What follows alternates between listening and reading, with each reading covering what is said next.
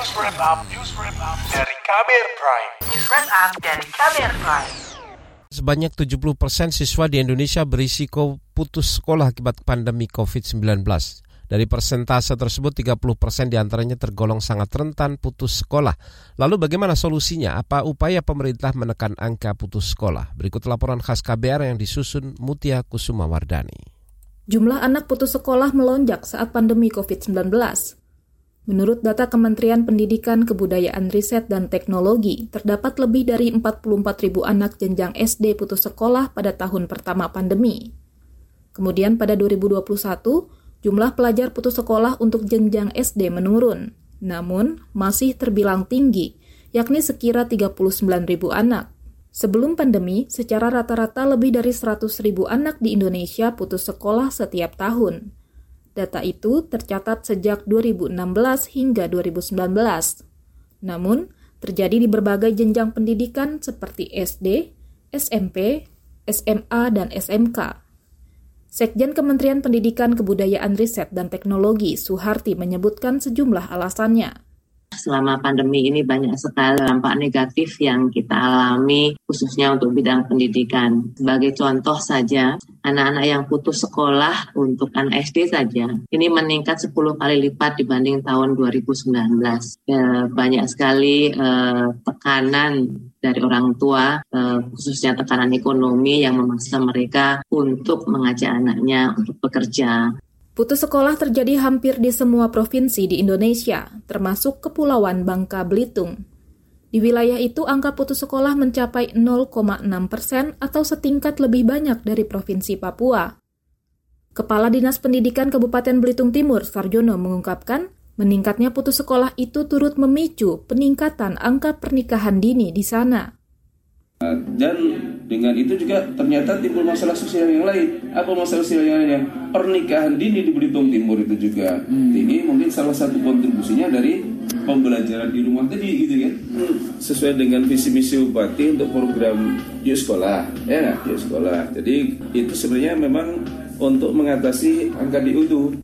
Kepala Dinas Pendidikan Kabupaten Belitung Timur, Sarjono, mencatat pada tahun lalu ada sekitar 120 siswa tingkat SMP dan 160 siswa tingkat SMA di wilayahnya yang putus sekolah. Komisi Perlindungan Anak Indonesia membenarkan bahwa pandemi mengakibatkan pendapatan orang tua siswa menurun. Ini jadi salah satu faktor penyebab meningkatnya angka putus sekolah. Komisioner KPAI bidang pendidikan Retno Listiarti menyebut dampak kesulitan ekonomi itu mengakibatkan banyak siswa menjadi pekerja anak atau melangsungkan perkawinan. Alasan lain ialah kecanduan bermain gawai.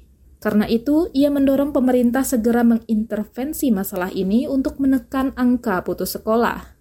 Kalau kemudian sudah diketahui penyebabnya, misalnya penyebabnya adalah masalah ekonomi misalnya, ya ya negara harus turun. Karena kan negara juga punya punya program-program untuk membantu.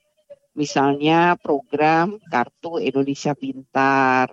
Atau misalnya di Jakarta tidak hanya kartu Indonesia Pintar tapi ada program misalnya KJP ya di situ intervensi negara Retno juga mendorong sejumlah kementerian seperti Kemendikbudristek Kemenak, dan Kemensos untuk berkoordinasi mengatasi masalah angka putus sekolah selama pandemi virus corona. Peningkatan angka putus sekolah turut mendapat sorotan dari parlemen. Ketua Komisi Pendidikan DPR RI, Abdul Fikri Fakih, menyarankan pemerintah tidak mengalihkan anggaran pendidikan untuk pemulihan ekonomi nasional. Sebab menurutnya, saat pandemi, pendidikan merupakan prioritas kedua setelah urusan kesehatan masyarakat. Selain itu, ia menilai adaptasi dan persiapan pemerintah pusat dan daerah di bidang pendidikan masih belum optimal. Kalau toh misalnya uh, dari sisi ekonomi kita tidak bisa memenuhi, persurut, uh, memenuhi sepenuhnya, tapi kalau pendidikan ini tetap dijalankan, maka masyarakat akan bisa menyelesaikan problematikanya sendiri. Tetapi faktanya memang pemerintah pusat, pemerintah provinsi, dan pemerintah kabupaten kota tidak terlalu konsen sehingga ada dampak lain yaitu uh, putus sekolah dan seterusnya. Dan ini nanti akan pengaruhi Human Development Index atau Indeks Pembangunan Manusia karena salah satu aspek dari uh, penilaian IPM atau Indeks Pembangunan Manusia adalah pendidikan. Politikus PKS Abdul Fikri Fakih menambahkan, Peranan satuan pendidikan juga diharapkan dapat aktif memantau dan mengunjungi rumah-rumah siswa yang tidak mengikuti kegiatan pembelajaran selama belajar jarak jauh. Terlebih, banyak siswa yang kekurangan fasilitas untuk melaksanakan pembelajaran jarak jauh, semisal tidak punya gawai dan kuota internet. Demikian laporan khas KBR, saya Mutia Kusuma Wardani. Kamu baru saja mendengarkan news wrap up dari KBR Prime. Dengarkan terus kbrprime.id, podcast for curious mind.